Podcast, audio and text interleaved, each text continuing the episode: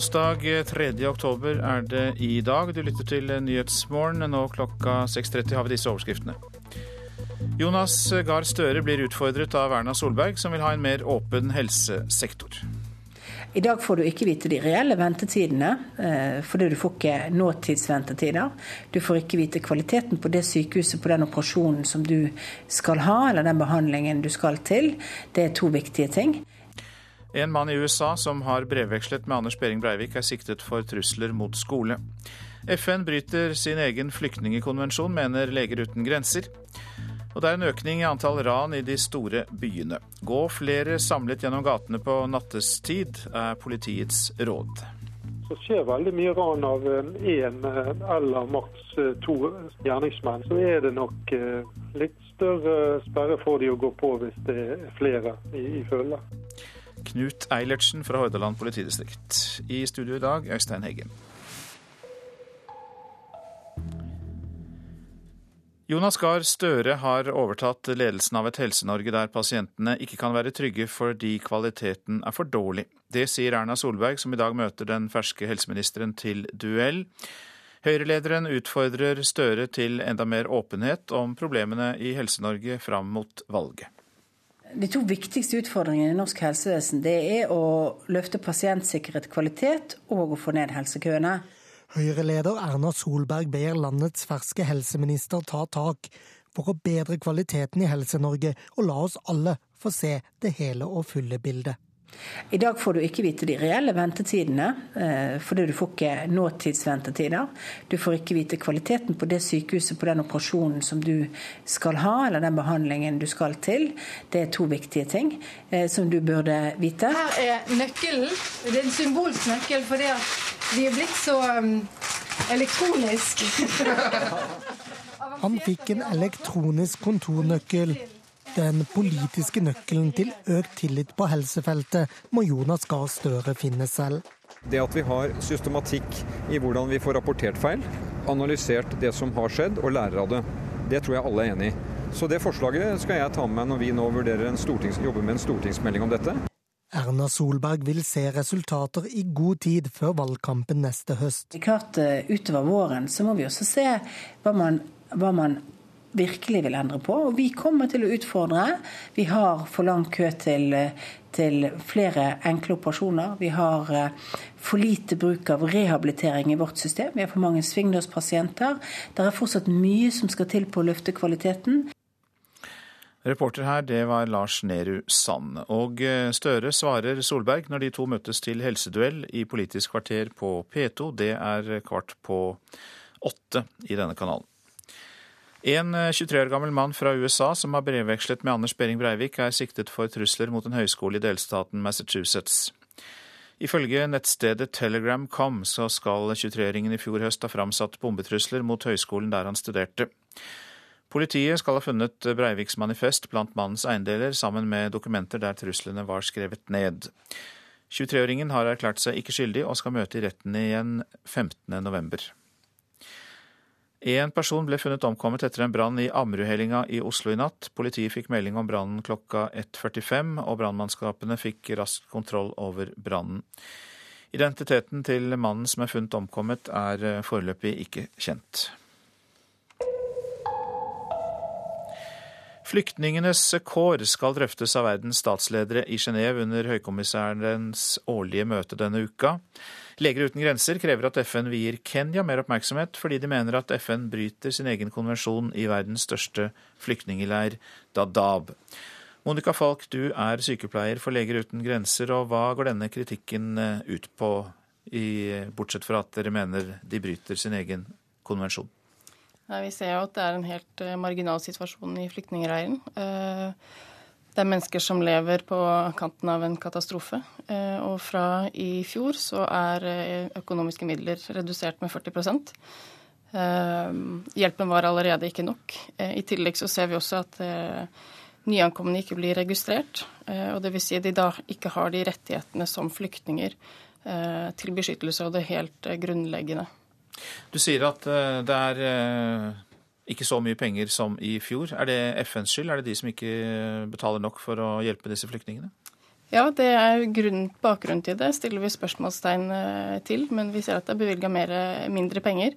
Um, og vi mener jo at det overhodet ikke er riktig. Altså det, det, leiren øker, uh, og forholdene i leiren er helt elendige. Har du gjort opp noen tanker om hva som kan være årsaken til at denne flyktningleiren ikke står så høyt på prioriteringslista til FN, eh, ut ifra det dere ser og opplever der? Nei, Vi mener jo absolutt at den burde gjøre det. Eh, hver gang den kommer i søkelyset, så er det pga. en krise. Altså at det er en ernæringskrise, det er et utbrudd av eh, sykdom. Og så glemmes den litt igjen. Her snakker vi om en leir på 500 000 mennesker. Og situasjonen i Somalia er så dårlig at menneskene ikke har et alternativ til å returnere. Så den burde absolutt eh, komme på dagsorden, prioriteres.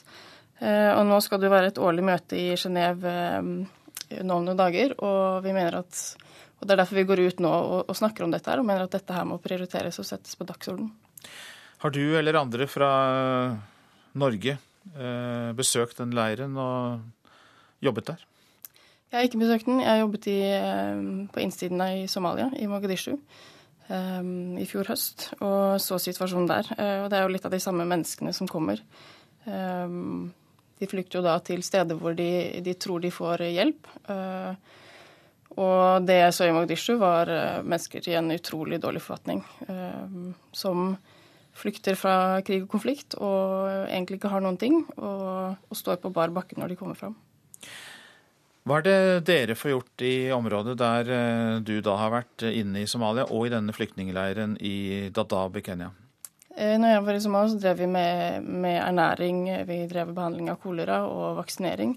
Eh, det mest livreddende som vi kunne få til. I Dadaab så har vi sykehus som driver med helsehjelp. Vi driver med mor- og barnehelse, vi driver vaksinasjon og mye behandling av underernærte barn. Så det er helt elementære helsetilbud. Men vi har jo ingen mulighet til å dekke en, en så stor leir, så vi, vi, trenger jo flere aktører på banen. Og ja, som sagt, det må prioriteres. Norge er representert i Genéve denne uka. Har de fått med seg råd fra dere om hvordan de skal stille seg til eh, behandlingen av leiren Dadaab? Ja, det er derfor vi går ut nå og, og sier at Norge må legge press på FN eh, til å prioritere mer økonomiske midler. Eh, og til dette med registrering av flyktninger. Vi har ingen oversikt med mindre vi får registrering, og, og disse menneskene har heller ingen rettigheter. Eh, så det er veldig viktig. Og det er enkle ting som, som beskyttelse, som husly og, og, sanitære forhold som er veldig veldig dårlige, som, som må bli bedre. Mange takk, Monica Falk, som da er eh, sykepleier for eh, Leger uten grenser. Takk skal du ha. Iran er rammet av økonomisk krise. USA er fornøyd med at sanksjonene mot Iran har fått landets valuta til å falle. Dette var tilsiktet, sier en talsmann for Det hvite hus. Formålet med de internasjonale sanksjonene mot Iran er å tvinge landet til å oppgi sitt atomprogram. Vestlige land og Israel frykter at Iran er i ferd med å utvikle atomvåpen, noe myndighetene i landet avviser. Ran på åpen gate har økt med 16% de siste åra, det viser tall fra Politidirektoratet. Flest ran skjer i storbyene på kvelds- og nattestid. Robin Garen Aaberg var på vei hjem fra en bytur i Bergen da han ble overfalt. I en mørk bakke så merket jeg at det var to menn som uh, fulgte etter meg. Jeg skjønte det på skrittene. De gikk litt for fort. I løpet av sekunder ble 22-åringen lagt i bakken og fikk et kne inn i ryggen. Det hadde bare gått noen minutter siden han skilte lag med vennene en tirsdagskveld i september. Nå ble han rana av to fremmede menn på Nygårdshøyden i Bergen. De tok mobilen og nøkler og 770 kroner i kontanter. Så la de på sprang, og studenten Robin Garen Aaberg var blitt del av en dyster statistikk. Antall ran på åpen gate har økt med 16 de siste fire åra til over 1100 ran årlig, syner tall fra Politidirektoratet. Flest ran blir utført i de største byene, og gjerningspersonene har fellestrekk. Det forteller seniorrådgiver Reid Stene ved Statistisk sentralbyrå. Tre av fire gjerningspersoner er under 25 år.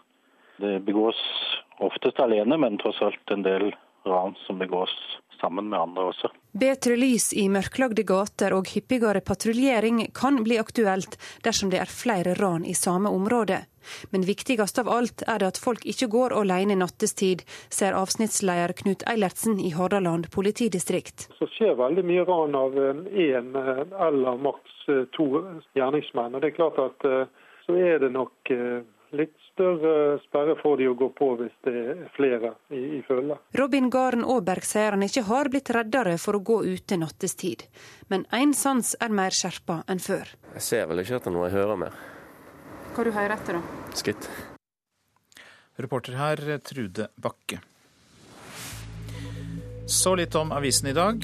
Bokhandlerkjeden Nordli Libris tar selv opp mot 74% av det bøkene koster, skriver Aftenposten. Store og mellomstore forlag får de dårligste avtalene, og Konkurransetilsynet kaller det kartellvirksomhet. At bokkjøperne må betale mer enn nødvendig. Trekker seg fra Wimp og Spotify, skriver Klassekampen om Kirkelig kulturverksted. Nyere plater av artister som Kari Bremnes, Sigvart Alsland, Anita Skorgan og Sondre Bratland tas ut av strømmetjenesten på nett. Nettstrømming av musikk gir for lite inntekter, mener Kirkelig kulturverksted. Kneler for Allah på Prestenes høgskole, skriver Vårt Land. Oslo-skolene tillater ikke bønnerom på videregående, altså, men på Menighetsfakultetet har muslimske studenter fått et rom der de kan knele mot Mekka, skriver avisen. Hemmelige Nerdrum-papirer er oppslag i Dagbladet. Dokumenter som ikke var kjent under rettssaken mot kunstneren, kunne ha gitt en annen dom, mener eksperter. Odd Nerdrum ble dømt til to års fengsel for å ha unndratt 900 000 kroner for beskatning.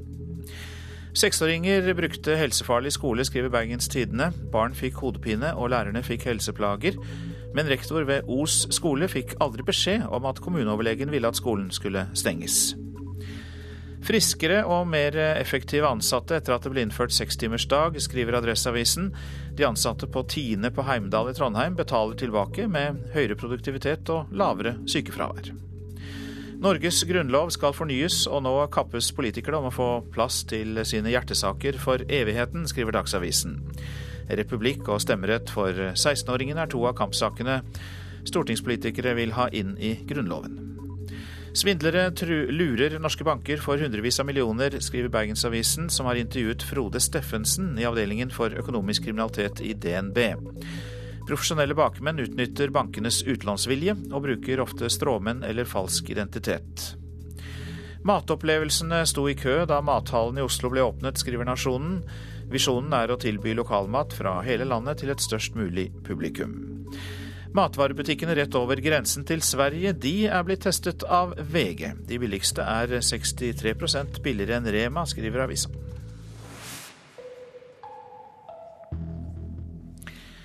Fotball og mesterliga. Arsenal går til mesterligakamp med et eh, nylig hjemmetap for Chelsea i sekken. Men når Olympiakos kommer på besøk i kveld, så regner London-laget med å være tilbake på vinnersporet. Sehr gut, ist auch sehr gut äh, eingestellt. En fransk Arsenal-manager litt på tysk, men mest på engelsk framfor mesterligamøtet med Olympiakos i kveld. London-laget hans er naturlig favoritt i gruppe B, og kom godt i gang da de tok tre poeng borte mot Schalke i første runde. Med det var en stor del av jobben gjort med tanke på avansement, ifølge Wenger. In, in det er enkelt. I mesterligaen trenger du én borteseier og tre heimetriumfer for å gå videre. Nå er målet å være sterke heime. Og med Olympiakos som motstander hjemme i London bør triumfferden holde fram for de rødkledde. De greske gjestene har nemlig bare vunnet én bortekamp på de sju siste forsøkene i Mesterligaen. Likevel hevder Wenger at middelhavslaget er en vrien motstander. Of course, uh... Olympiacos we, is already in a position uh, we are back to the wall because they have lost at home. And in this uh, Champions League, when you lose at home, it's very. So Olympiakos har press på seg. De tapte hjemme i forrige runde og vil komme hit med høy motivasjon. Også her må vi gi alt med tanke på avansement. Så gjenstår det å se om møtet i kveld blir plankekjøring for Wengers Arsenal. Manageren sjøl må overvære kampen uten å kunne piske spillerne sine til triumf. Franskmannen er nemlig suspendert og tribuneplassert av Uefa, men tror ikke det gjør jakta på tre poeng noe vanskeligere. Ideally, I would like to be on the bench, but uh... We speak about everything uh, before the game, you know, what can happen. I don't think that's a massive handicap. That would not be an excuse to a bad performance. Reporter her, det var Hans Henrik Løken. Klokka den går raskt mot kvart på sju. Dette er hovedsakene. Erna Solberg utfordrer helseministeren til mer åpenhet om helsesektoren. Høyre-lederen møter Jonas Gahr Støre til duell i Politisk kvarter om nøyaktig en halvtime. En time blir det, kvart på åtte. FN bryter sin egen flyktningkonvensjon, mener Leger uten grenser. Og økning i antall ran i de store byene. Gå flere samlet gjennom gatene på natterstid, er politiets råd. Oljeservice- og leverandørbedriftene i Stavanger har satset mye på å tekkes Statoil og levere produkter og tjenester til Nordsjøen, i stedet for å se utenlands. Ja, det mener BI-professor Torger Reve, som har skrevet en rapport om dette. Og konklusjonen er klar, Stavanger bør lære mer av Kristiansand og Kongsberg. Stavanger har vært veldig fornøyd med at de har eh, de store oljeselskapene og de har de viktige oljeserviceselskapene. Men det er ikke nok, skal vi klare oss ut i verden. Klar beskjed fra BI-professor Torgeir Reve. Oljeindustrien i Stavanger-regionen tenker ikke lenger enn Nordsjøen, mener han. Og det gjør bransjen mindre robust den dagen festen er over her hjemme. Nå er jo Nordsjøen fortsatt en provins med, med, store funn, sånn at det, dette er ikke sånn som går over i løpet av et par år. Men man lever litt farlig når man legger liksom alle eggene i en kurv og derfor er BI-professoren sikker i sin sak. Oljevirksomheten i regionen må se mot Kristiansand og Kongsberg for å ikke bli sittende med skjegget i postkassa. Hvis vi sammenligner med en del av de andre offshore-regionene i Norge, så ser vi at disse regionene, hvis vi tar Kongsberg, Kristiansand, Ålesund osv., de, de har mer teknologi. altså De har mer, større andel av deres produkter går til utlandet og mindre de er mindre avhengig av Nordsjøen. Hvorvidt vi har noe å lære, så skal vi veldig gjerne hjelpe med det. Sier daglig leder i Node-klyngen i Kristiansand, Kjell O. Johannessen. Men det er et faktum at fordi vi ikke ble oljehovedstad, fordi vi aldri fikk tildeling av et, eller et etablering av et oljeselskap eller en base til å etablere seg, så har vi kanskje mer måttet hjelpe oss selv gjennom tiden. Det tror jeg er riktig å si. Jan Soppland i Greater Stavanger avfeier ikke helt å hente lærdom fra Kristiansand og Kongsberg til Stavanger, men Nordsjøen, det er fremdeles hett. Noen må tross alt levere det som skal stå og virke i Nordsjøen, som er utfordrende nok. Eh, og, og det at det har skjedd her, tror jeg har vært riktig og naturlig. Ja, Det som er interessant med Kristiansand, eh, som kanskje ikke Stavanger har fått med seg, er at der er dynamikken, samspillet mellom bedriftene, utrolig mye bedre. Reve sikter til klyngesamarbeidet som bl.a. har gitt Kristiansandsbedriftene stort innpass i verdensmarkedet.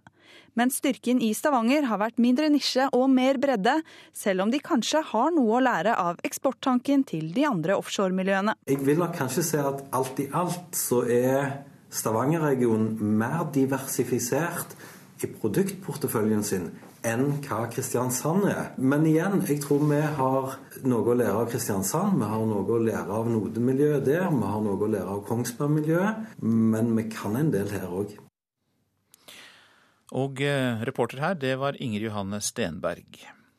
Å spille dataspill i flere timer sammenhengende er ikke sunt, og vi ønsker å ha noen tiltak som begrenser spillingen, sier Åse Mette Østland fra Spilleavhengighet Norge. Hjelpelinjen for spilleavhengige kan rapportere om sterk økning i henvendelser det siste kvartalet, og særlig gjelder det online rollespill.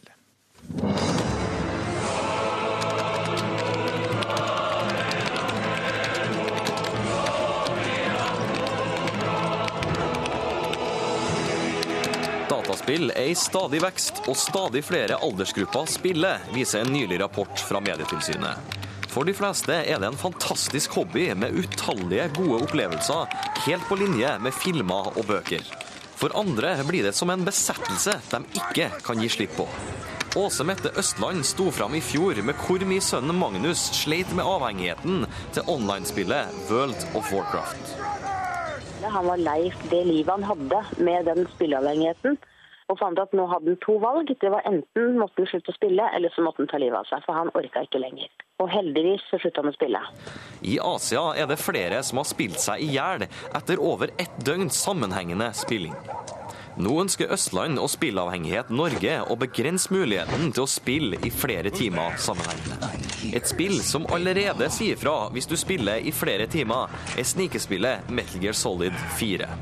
Her får du beskjed på skjermen, og det synes Østland kunne ha fungert godt. Sitter man og spiller, så blir man jo oppslukt i spillet, og så mister man helt tidsbegrepet. Så det kan jo være greit å få en påminnelse om at nå har du spilt i to-tre timer, og nå bør du ta en pause. Absolutt.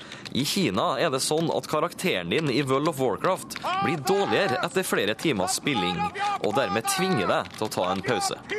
Også det kan være verdt å prøve ut, mener Østland. Jeg vil jo si det er en positiv ting, for da karakteren blir sliten og ikke orker mer, så må de ta seg en pause fra spillet, og da må de være, si, ta seg lange pauser for at karakteren på spillet skal få bygd seg opp igjen. Professor i spilldesign ved NTNU, Alf Inge Wang, ser noen begrensninger med forslagene. Teknisk så kan det være mulig på enkelte spill. Jeg ser for meg at det er enklest kanskje på singleplayerspill der du spiller alene. Jeg ser at det er verre med multiplayer-spill der f.eks. flere er avhengige for å utføre oppdrag over lengre tid. Da er det litt vanskeligere å si at den ene spilleren f.eks. ikke får lov til å spille lenger, som kan ødelegge oppdraget for de andre. Men er absolutt åpen på at pauser i spill kan fungere godt. Men da må hele spillindustrien begynne med det. Skal legge inn en pause, at du gjør det som en del av spillet. Sånn at det f.eks. er naturlig at spillkarakteren din i løpet av så, så lang tid blir sliten. Og det, det kan du egentlig passe godt inn i selve spillhistorien eller spilluniverset. Og det er en mye bedre måte enn f.eks. at du spiller tre timer, så bare kommer det en, eh, en eller annen skjerm og sier at nå må du ta en pause. Da tror jeg spilleren blir ganske irritert.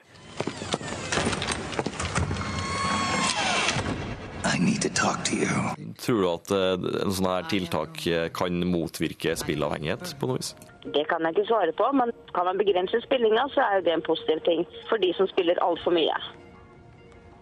Åse Mette Østland i Spilleavhengighet Norge, reporter Rune Eian. Mer penger til kor, korps og frivillige, sier regjeringen, som vil gi mer tilbake for den momsen organisasjonene betaler. Men full kompensasjon blir det ikke. Det holder ikke, mener KrF, som vil ha et nytt system der frivillige organisasjoner slipper momsen helt og holdent. I dag betaler f.eks. norske korps alene inn 40 millioner kroner til statskassa i moms.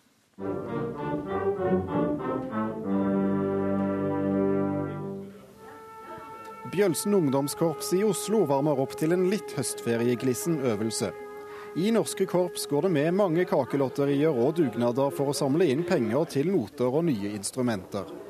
I fjor betalte korpsene 60 millioner kroner i moms og fikk tilbake 18 millioner kroner gjennom ordningen for momskompensasjon. Det gir staten 42 millioner kakelotterikroner i kassen.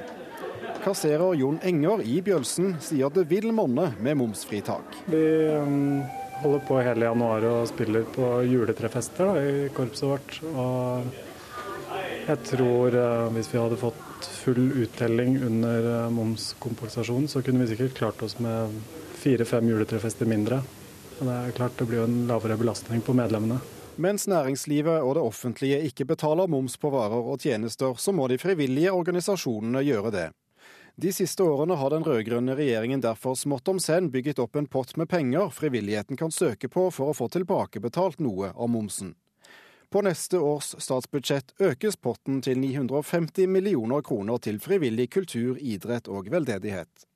Svært positivt, sier generalsekretær i Norges Musikkorps Forbund, Anita Finnebråten. Men det er nå en gang slik at uh, vi eh, ønsker å ha et klar målsetning om fullt momsfritak, og det vil si krone for krone.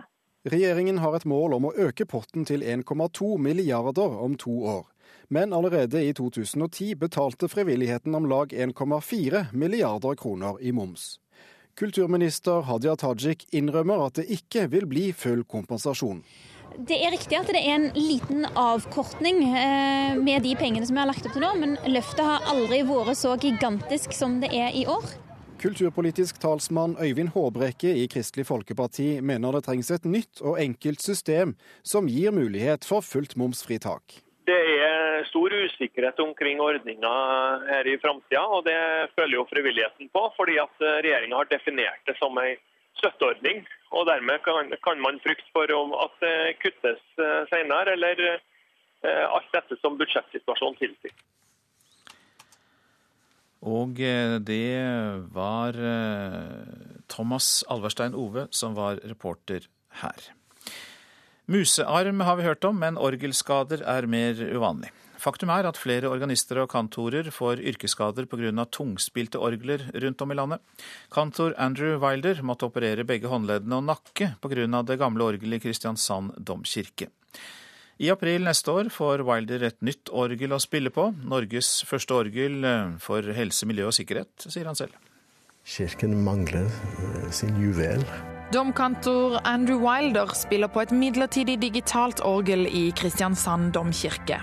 I tolv år satt han i timevis og spilte på et orgel som har ført til nerveskader, operasjon i begge håndledd og to nye skiver i nakken. Det kom til et punkt der jeg ikke kunne spille mer enn 20 minutter før jeg mistet følelsene i skuldre og fingre. Og det var min fysioterapeut som eh, egentlig fant ut av dette. Og på det punktet sa han at du, du har nerveskade og muskelsvinn. Å sitte og spille i tolv år og gjøre skade uten å være helt klar over hva man gjør, den har en, en menneskelig pris, selvfølgelig. Jeg er ikke i den samme stand i dag som jeg var for tolv år siden. Etter mangfoldige utredninger og sykemeldinger for Wilder bestemte kirkesjefen at orgelet var helseskadelig å spille på. Neste år får dermed domkirka i Kristiansand nytt orgel i verdensklasse, og kanskje Norges første helse-, miljø- og sikkerhetsorgel, ifølge Wilder. Ja, du kan jo si at eh, øyeblikkelig Fellesrådet gikk inn for å stenge det gamle orgelet. Så hadde vi en HMS-sak, for da hadde vi arbeidsutstyr i kirken som ikke lenger kunne brukes. Um, og det utløser et behov, og det behovet ble meldt til kommunen. Og um, selvfølgelig, i en domkirke skal man ha et skikkelig orgel å vise til. Bjørn G. Odden i Vågsbygd kirke i Kristiansand har et elsk-hat-forhold til hans arbeidsredskap fra 1960-tallet. Det ble i fjor påvist i ulike rapporter at også dette orgelet fører til yrkesskader. Det er jo ikke noe sånn veldig motiverende, må jeg si.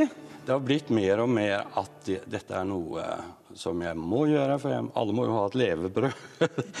Eh, men tanken har jo slått meg mange ganger at det hadde vært godt å ha noe annet å gjøre. Jeg har flere eksempler på at, eh, at uh, tungspilte instrumenter fører til belastningsskader hos organister. Det sier nestleder i Musikernes Fellesforbund og orgelkonsulent Anders Hovin. Det er uh, gjerne uh, en kombinasjon av av arbeidspress, altså at man har behov for å øve eh, mye i en periode.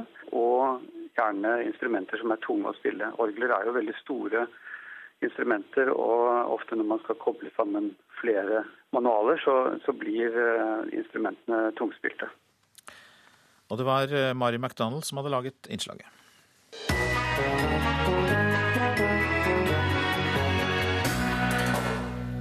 Nok en gang er det bråk mellom protestanter og katolikker i den nordirske hovedstaden Belfast.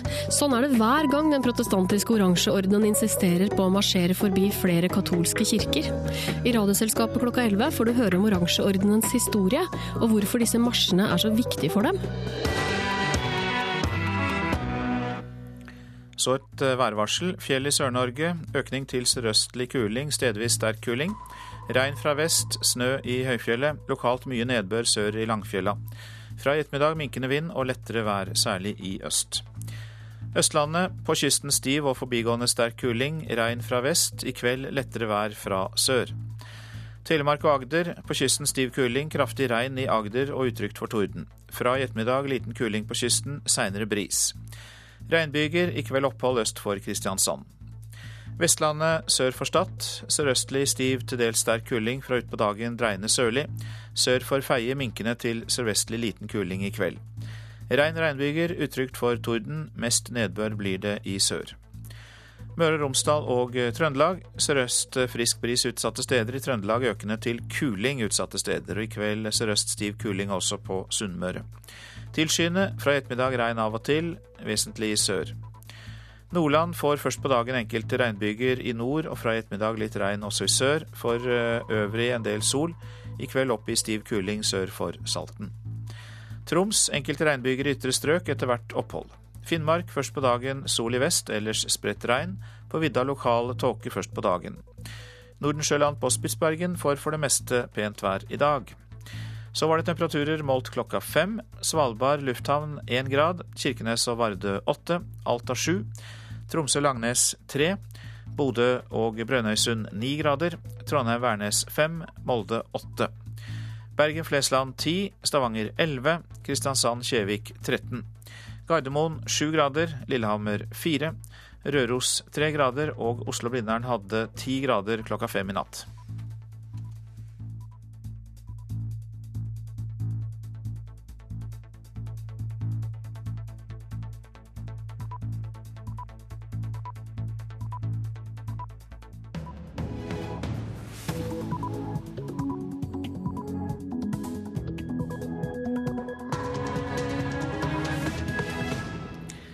Vi slår fast at klokka har passert sju. Du lytter til eh, Nyhetsmorgen. Her er en nyhetsoppdatering.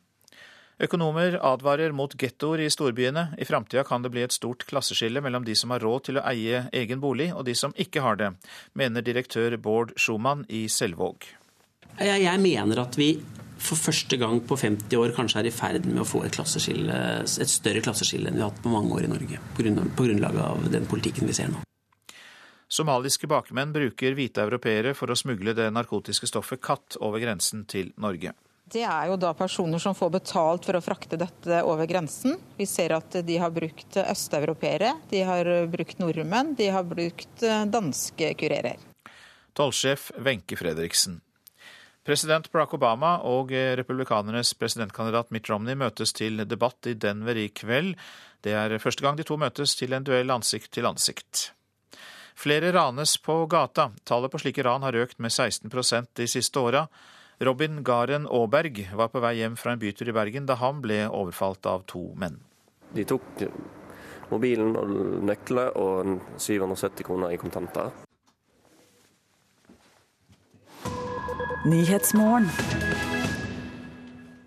For første gang på 50 år så ser vi konturene av et kraftig klasseskille i Norge mellom de som har råd til å eie sin egen bolig, og de som ikke har det.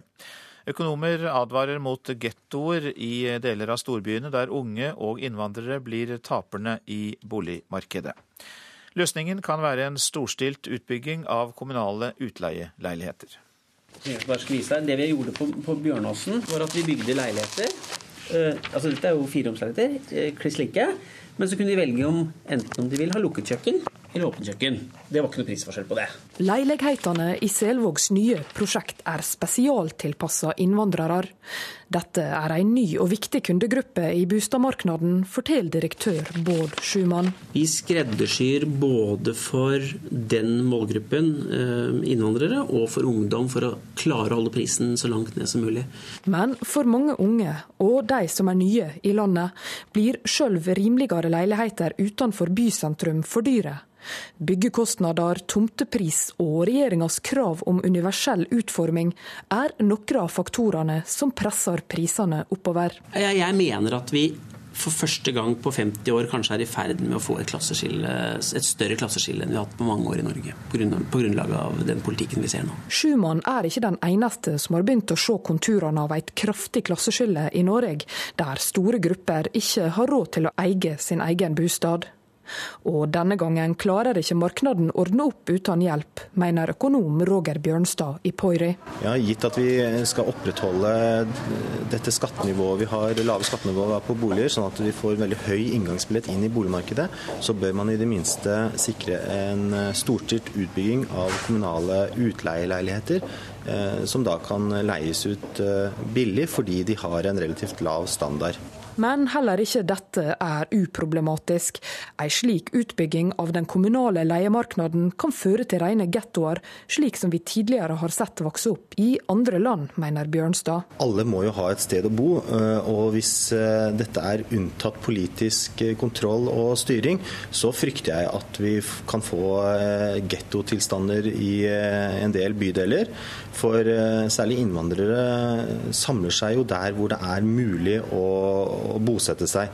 Så det å ha et virkemiddelapparat som kan sikre eh, at eh, boforholdene blir eh, gode, og at dette blir spredd ut der hvor det er mulig å, å bosette seg, det tenker jeg er ganske positivt. Seniorøkonom i Pøyri, Roger Bjørnstad. Reporter var Ellen Sporstøl. Bård Folke Fredriksen, byråd for byutvikling i Oslo kommune fra Høyre, god morgen til deg. Takk skal du ha. Vi kan vel kalle deg Oslos boligminister. Hva syns du om forslaget om en sterk økning i utbygging av kommunale utleieboliger? Ja, jeg vil i hvert fall understreke med en gang at det kommer ikke til å redusere klasseskillet hvis det er det man frykter på boligmarkedet. Hvorfor ikke det? Fordi skillene kommer jo til å bli større når vi får en større andel utleieboliger. Fordi leietakerne da går glipp av verdistigningen på boligene. Å være leietaker en større del av livet kan jo faktisk være en fattigdomsfelle. Men på den annen side så vil de jo da være nødt til å bli leietakere i det private markedet. Da er det bedre å være leietaker hos kommunen, som kanskje har mer ordnede forhold og billigere leiligheter. Kommunen kan jo ikke bygge noe billigere enn andre. De må bygge til de samme standardene og kravene som er. Erfaringene fra våre naboland, som har en mye større utleieandel, er jo ikke å trakte etter. Vedlikeholdet er mye dårligere enn i Oslo. Verdistigningen blir forbeholdt de som eier. Og etnisk segregering i enkelte bydeler er jo mye kraftigere i Stockholm, København og Malmö enn det f.eks. er i Oslo. Så hva gjør kommunen da, Bård Folke Fredriksen? For det første ønsker vi at folk skal få mulighet til å eie sin egen bolig, så vi benytter oss i stor grad av startlånsordningen for de som ikke får lån i bank, og kommer til å øke den fra 900 millioner til 1,2 milliarder neste år. Og så er det viktig at vi, alle kommuner i Norge regulerer mer enn nok tomter, sånn at utbyggerne kan sette i gang og bygge nytt den dagen det er eh, behov og etterspørsel for det. LO har eh, foreslått, ikke bare LO, men bl.a. LO, at det bygges 40 000 nye boliger eh, hvert år. Og um, hva kan gjøres for å få det til i storbyen, i tillegg til det du nevner der? Kan det også være snakk om en form for uh, subsidiert uh, boligbygging, i den forstand at de aller fattigste får en billigere inngangsbillett? De som ikke klarer seg på boligmarkedet, har kommunen et ansvar for, og de bygger vi boliger for. Men for vanlige mennesker er ikke det noen løsning. Jeg tror startlånsordningen som jeg nevnte er en god idé. Men så er det altså viktig at det bygges nok boliger. Jeg, der er jeg enig med LO i forhold til befolkningsveksten. Men da er vi nok nødt til å se på to ting. Det ene er at produksjonskostnaden for å bygge nytt er blitt veldig dyrt. Du hører Selvåg er inne på dette i, i, at kravene til nye boliger er blitt veldig fordyrende, enten det gjelder universell utforming, miljø, energi, heiskrav osv. Og det andre er at vi må se hele byen i en sammenheng, og hele østlandsregionen i en sammenheng. Og da må vi gjøre noe med kommunikasjonene. Det er tross alt ikke mer enn ti minutter med toget til Lillestrøm. Helt kort oppsummert, vil da du dermed ha gode kommunikasjoner, så folk ikke bare skal bo inne i byen, men du vil også ha ikke så høye krav til eh, kvaliteten på boligene? Ja, jeg syns de siste miljø- og energikravene og kravene til universell utforming er helt unødvendige. I tillegg så eh, bør det kunne være greit å pendle 10-15-20 minutter med toget ut av byen for å få en større funksjonell eh, region for arbeidsmarkedet og boligmarkedet. Takk skal du ha, Bård Folke Fredriksen, byråd for utvikling i eh, Oslo kommune. Politisk eh, kvarter eh, kommer om en drøy halvtime, kvart på åtte, og det er toppmøte om helsepolitikk. Per Arne Bjerke. Ja, for første gang møter vår nye helseminister Jonas Gahr Støre Høyre-leder Erna Solberg til debatt om det som blir en av de viktigste sakene foran valget neste år. Har vi store problemer i Helse-Norge, eller er det bare svartmaling? Og hva er det den nye helseministeren vil gjøre som hans forgjenger ikke gjorde? Politisk kvarter, kvart på åtte.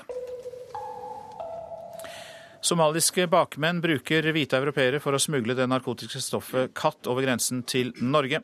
Østeuropeere, men også nordmenn, svensker og dansker blir brukt som kurerer, forteller tollsjef ved Svinesund tollstasjon, Wenche Fredriksen. Det er jo da personer som får betalt for å frakte dette over grensen. Vi ser at de har brukt østeuropeere, de har brukt nordmenn, de har brukt eh, danske kurerer. Grønne blad plukkes fra et tre i Kenya, og tre dager senere er katten på vei inn i Norge. Tidligere var det folk fra Somalia som tok narkotikaen over grensa, men nå har bakmenn funnet nye metoder for å få ferskvaren hit. Det sier tolldirektør Bjørn Røse. Tidligere så var det både somaliske bakmenn og eh, somaliske kurerer. Det siste er blitt en god del endret.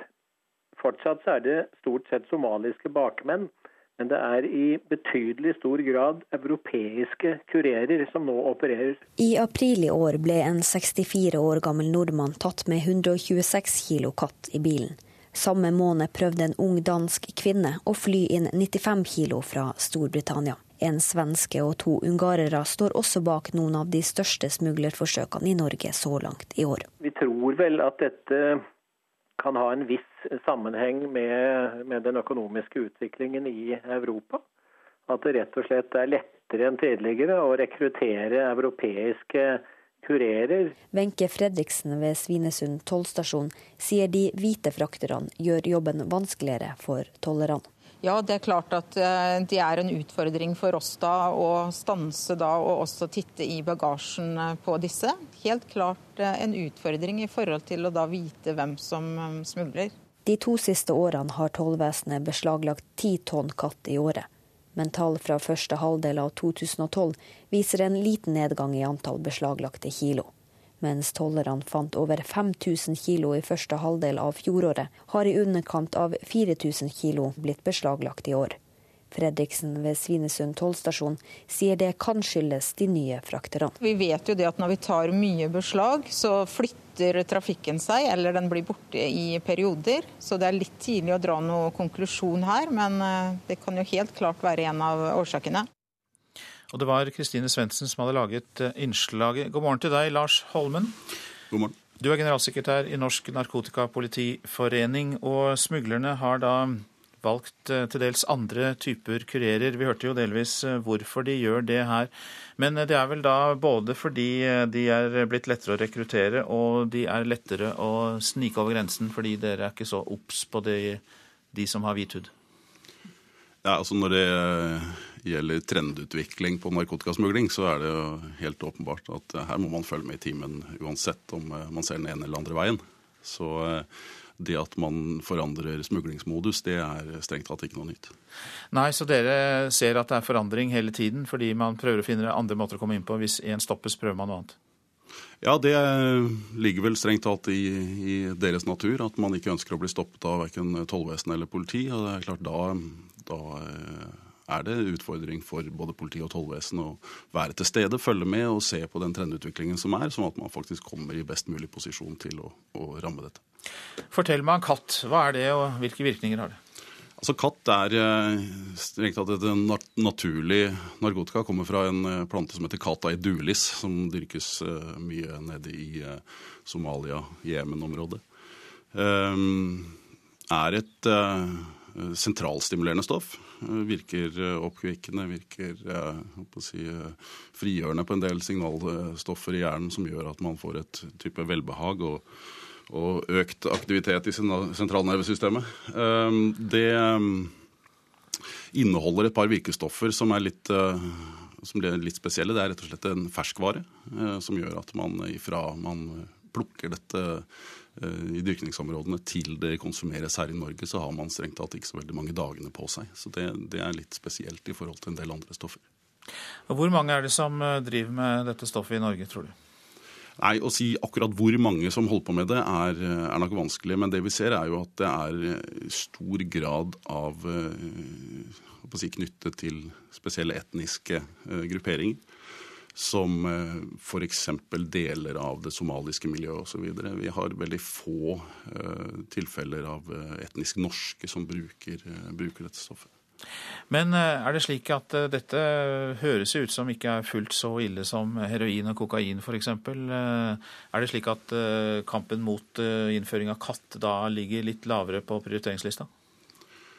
I det daglige så er det klart eh, både politi og tollvesenet forholder seg til eh, hva som kanskje fremstår som den, den største trusselen for befolkningen som, som helhet. Eh, og man ser på hvordan lovgiver har, har vektlagt farligheten og alvorligheten av dette her, så er, så er det helt åpenbart at katt ikke er regna som si, så langt opp på lista som en del av de andre stoffene.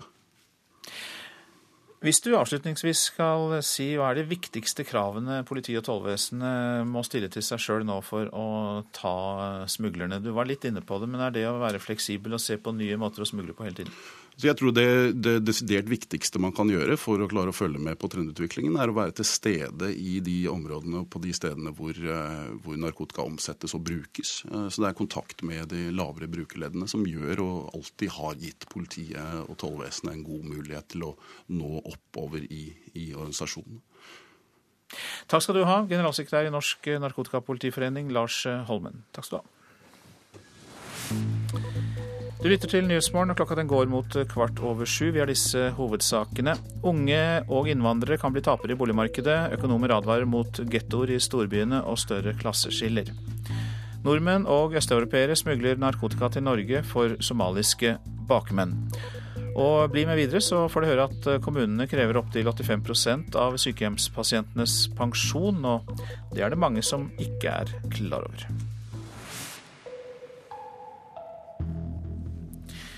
I kveld skal ehm, president Barack Obama og republikanernes presidentkandidat Mitt Romney møtes til debatt i Denver.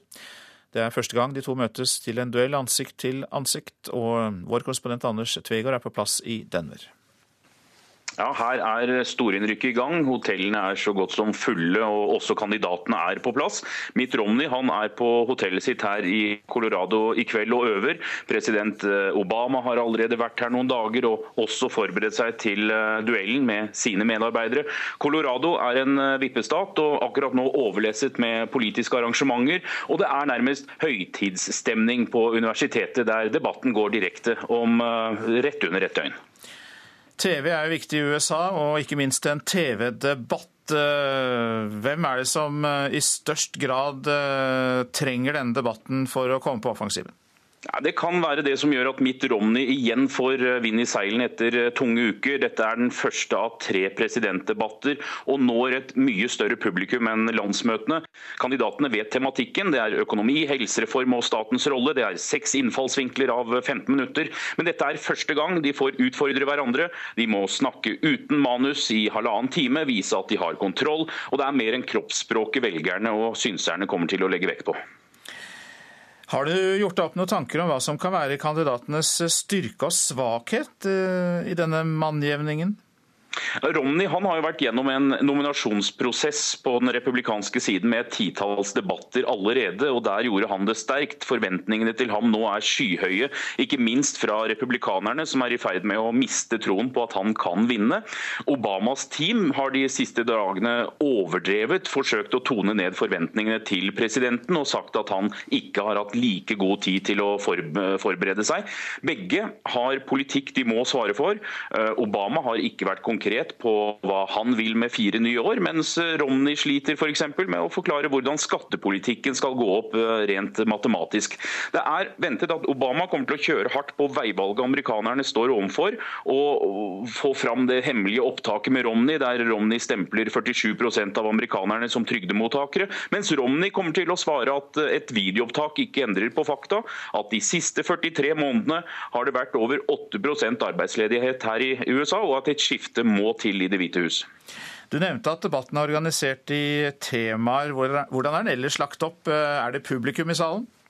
Ja, det Her kommer det til å være en, eh, en, en fullsatt eh, sal på universitetet i, eh, i, Denver. Det er en fjernsynsoverført debatt som når millioner av seere. Den varer i 90 minutter. Det er 15 minutter med seks temaer, og så er det reklamepauser. Dette her er noe som kan være helt avgjørende for, for, for valgutfallet, og at kandidaten også får mulighet til å, å presentere seg. og Spesielt Romney Eh, kommer til å ha en, en fordel da, til å nå ut til et mye større publikum. Har eh, eksperter og forstå-seg-på-ere kommet med noen tips om eh, utfallet her? Ja, altså, Få tør forstå seg på noe som helst eh, døgnet før. Det kan være skadelig for Romney om ikke han kommer på offensiven nå, får snudd skuta og blir erklært som vinner. Men samtidig så er det to presidentdueller til. Her handler det om å vinne temaene og agendaen, det offentlige ordskiftet, fram mot valget. Korrespondent Anders Tvegård, som jeg snakket med før sending. I Manchester holder det britiske opposisjonspartiet Labour landsmøte. Der blir den liberalkonservative regjeringen beskyldt for å skade landets økonomi, og for at den ikke har kontakt med den virkelighet folk flest baler med.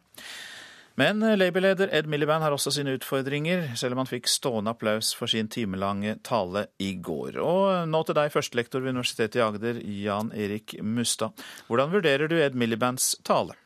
Jeg syns det var den beste talen han har hatt som partileder. Han var løs og ledig. Han gikk rundt på podiet uten manuskript. Holdt på i en time. eh, og var bedre enn da som sagt noen gang før i sin karriere. Så rent fremføringsmessig så var dette meget bra. Innholdet kan en alltid si litt av hvert om. Jeg syns på det ideologiske planet at han tegnte opp en strategi som kan fylles med politikk i de årene frem mot neste valg. Så det var litt lite direkte politikk. Men eh, hvis han følger denne strategien han la opp til i går, så er det muligheter for at han kan komme tilbake og vinne neste valg. Ja, og det må vel holdes seinest eh, i 2015, men sannsynligvis etter sedvane blir vel valget skrevet ut noe før den tid? Ja, det vet vi ikke. Nå har eh, koalisjonsregjeringen bestemt for første gang i britisk historie at neste valg skal være i mai 2015. Så hvis ikke de avviker fra den planen der, så er det altså en to og et halvt år til. Og det burde være tilstrekkelig tid hvis han får litt mer kjøtt på beina, eh, Ed Miliband, så er det muligheter for at Labour kan komme tilbake. Ed Miliband ble valgt til Labour-leder etter Gordon Brown for to år siden, og han mm. slo ut eh, storfavoritt og storebror David Miliband på målstreken. Så hvordan står denne kappestriden mellom brødrene Miliband? Nei, dette har jo vært noe som har vært vanskelig for, for Ed eh, gjennom disse to årene. For målinger som har vært publisert i Storbritannia, har jo alltid gått i retning av at opinionen ønsker David, og spesielt eh, Labour-velgerne hadde holdt en knapp på David for to år siden. Men han er gradvis, syns jeg, kommet ut av denne skyggen. Kanskje gårsdagens tale viser at han eh, nå endelig er i ferd med å finne sitt eget jeg, eh, sin egen identitet, og hvordan han eh, skal lede partiet fram mot valget. Hvordan eh, i all verden gikk det til at Ed ble valgt istedenfor David? For David var jo utenriksminister i Labour-regjeringen og storebror på alle måter? Ja, han var storebror på alle måter. Og vi satt der for to år siden, ringside i Manchester, eh, og fulgte dette dramaet eh, som det var da de telte opp alle stemmene. Det var i siste runde, hvor fagforeningene sine stemmer ble telt opp, at det vippa så vidt i retning Ed. Og det avstedkom jo voldsom kritikk fra de konservative eh, spesielt, som kalte han Red Ed, og at nå var Labour tilbake igjen til sin sosialistiske hverdag og virkelighet. Eh, og, og han har nok kjempa litt med den merkelappen i løpet av disse to årene. David trakk seg vekk fra politikken eh, og ønska ikke å være noe hinder for at Ed skulle utvikle sin egen lederstil, og det har han heller ikke vært. Så David har holdt ord, men det er klart, med en såpass innflytelsesrik storebror og eh, politikerstørrelse som David, så, så, så har jo ikke velgerne glemt han, og Labours-tilhengerne har iallfall ikke glemt han. Så, så, det har vært et problematisk forhold disse to årene her, selv om de når de er sammen bedyrer at dette her går bra som bare den. Vi får håpe at familieselskapene går sin gang uten, uten for store problemer. Jan Erik Mustad, hjertelig takk for at du var med oss. Du var med oss da fra eh, distriktskontoret på Sørlandet. Du er førstelektor ved Universitetet i Agder. Takk skal du ha. Den colombianske FARC-geriljaen krever garantier for at deres forhandlere ikke vil bli pågrepet når de deltar i fredssamtaler i Norge med Colombias regjering. Flere av FARC-lederne er ettersøkt i utlandet. Det blir ikke noe gjennombrudd i forhandlingene i Oslo senere denne måneden. De virkelige forhandlingene vil skje når de flyttes til Cuba, sier FARCs hovedtalsmann. Radikale islamister nord i Mali i Vest-Afrika utførte en offentlig henrettelse i går kveld. Flere enn 600 mennesker i byen Timbuktu var til stede da en mann beskyldt for drap ble henrettet ved skyting. Islamistene i Mali står for en streng tolkning av sharialovene, og de har tidligere steinet en mann og en kvinne til døde for utroskap. Verden har ikke råd til at Japan og Kina lar seg distrahere av striden om de ubebodde øyene i Øst-Kina-havet. Det sier Christine Lagarde, lederen for Det internasjonale pengefondet IMF. Kina og Japan er verdens andre og tredje største økonomier. Så noen ord om det avisene skriver. Bokhandlerkjeden Nordli Libris tar selv opp mot 74% av det bøkene koster, skriver Aftenposten. Små og mellomstore forlag får de dårligste avtalene og Konkurransetilsynet kaller det kartellvirksomhet, at bokkjøperne må betale mer enn nødvendig. Trekker seg fra Wimp og Spotify, skriver Klassekampen om Kirkelig kulturverksted. Nyere plater av artister som Kari Bremnes, Sigvart Alsland, Anita Skorgan og Sondre Bratland tas ut av strømmetjenesten på nett. Nettstrømming av musikk gir for lite inntekt, mener Kirkelig kulturverksted. Kneler for Allah på Prestenes høgskole, skriver Vårt Land. Videregående skoler i Oslo tillater ikke bønnerom, men på Menighetsfakultetet har muslimske studenter fått et rom der de kan knele mot Mekka, skriver avisen. Hemmelige Nerdrum-papirer er oppdaget, skriver Dagbladet. Dokumenter som ikke var kjent under rettssaken mot kunstneren, kunne ha gitt en annen dom, mener eksperter. Odd Nerdrum ble dømt til to års fengsel for å ha unndratt 900 000 kroner for beskatning. Seksåringer brukte helsefarlig skole, skriver Bergens Tidende. Barn fikk hodepine og lærerne fikk helseplager. Men rektor ved Os skole fikk aldri beskjed om at kommuneoverlegen ville at skolen skulle stenges. Friskere og mer effektive ansatte etter at det ble innført sekstimersdag, skriver Adresseavisen. De ansatte i Tine på Heimdal i Trondheim betaler tilbake med høyere produktivitet og lavere sykefravær. Norges grunnlov skal fornyes, og nå kappes politikerne om å få plass til sine hjertesaker for evigheten, skriver Dagsavisen. Republikk og stemmerett til 16-åringene er to av kampsakene. Svindlere lurer norske banker for hundrevis av millioner, skriver Bergensavisen, som har intervjuet Frode Steffensen i avdelingen for økonomisk kriminalitet i DNB. Profesjonelle bakmenn utnytter bankenes store utlånsvilje og bruker ofte stråmenn eller falsk identitet. Matopplevelsene sto i kø da mathallen i Oslo ble åpnet, skriver Nasjonen. Visjonen er å tilby lokalmat fra hele landet til et størst mulig publikum. Og matvarebutikker rett over grensen til Sverige de er blitt testet av VG. De billigste er 63% billigere enn Rema, skriver avisen. Pasienter på de kommunale sykehjemmene blir avkrevd størstedelen av pensjonene sine i egenandel. I tillegg krever også kommunen det meste av eventuelle renteinntekter på bankinnskudd. Det er staten som har bestemt det slik, og det har vært sånn i mange år. Dette vet under halvparten av pensjonistene før de møter de kommunale kravene som pasienter. Nei, det syns jeg ikke. Det nå ikke noe igjen til å koste på husene. og du har vært her i halvannet år cirka nå. Før du flyttet inn her, visste du at du måtte ut med så stor del av pensjonen din? Nei, nei det visste jeg ikke. Det var tråden min, nei. Hva syns du om det, da? Nei, må nå bare finne oss i det. det sier Herman Røsta, sykehjemspasient på Ørland sykehjem. Kommunen krever nesten hele pensjonen hans, og har han spart opp penger i banken, tar kommunen store deler av renteinntektene hans også. Det bekrefter økonomisjef i Ørland kommune, Gaute Krogfjord. For Ørland kommune så er det litt i underkant av 15% som betales av brukerne. På årsbasis så utgjør det da 6,3 millioner kroner som betales av brukerne. I Trøndelag så ligger det òg litt over 15 eh, i, som er brukerbetalt. Så vi ligger jo ganske nærme opp mot det i Ørlandet òg. Så dette er likt over hele Norge, det? Ja, landsbasis òg er det ca. de samme tallene. Tidligere Høyre-politiker og nå leder i Ørland eldreråd, Peggy Finnbo, sier at ordningen kan slå uheldig ut for mange sykehjemspasienter. Det er jo en veldig stor andel av deres inntekt som går til det, til å betale den egenandelen. Det er jo nesten alt, da. Hvordan reagerer de eldre på det, tror du? Når du blir helt hjelpeløs, så bryr du deg kanskje ikke så mye om penger. Men, og da er det hovedsaken å bli, få godt stell. Men hvis du har litt behov for sosiale ting, og har familie du skal ha gaver til, og du skal ha klær og utstyr, så er det ganske drøyt. For det går jo nesten hele inntekta. Peggy Finnbo har sett at ordningen i alle fall for noen har en negativ effekt. Jeg tror at eh, det er en vesentlig årsak til at de holder ut så veldig lenge hjemme, hvis de har en ektefelle hjem.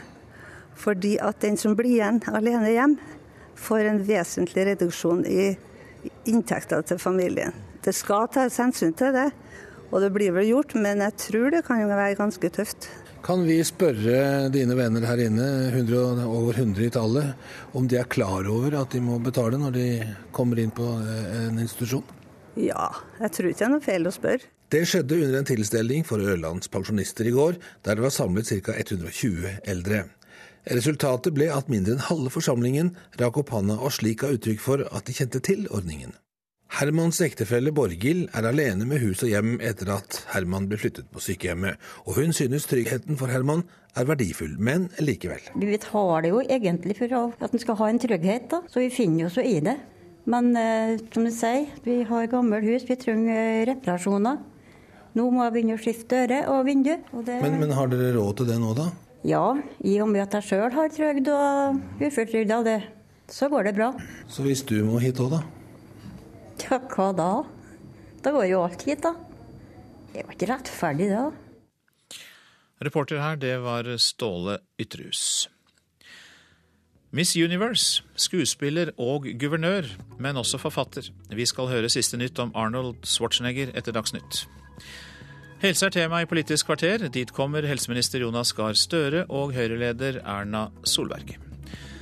Prosent for Nyhetsmorgen er Ragnhild Bjørge. Her i studio, Øystein Heggen.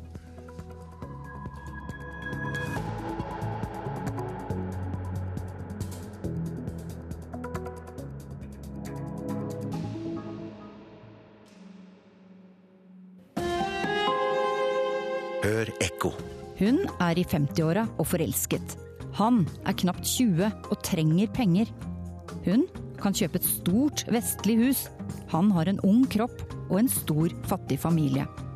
Turismen i Egypt har mange ansikt. Ekko 9 11 i NRK P2.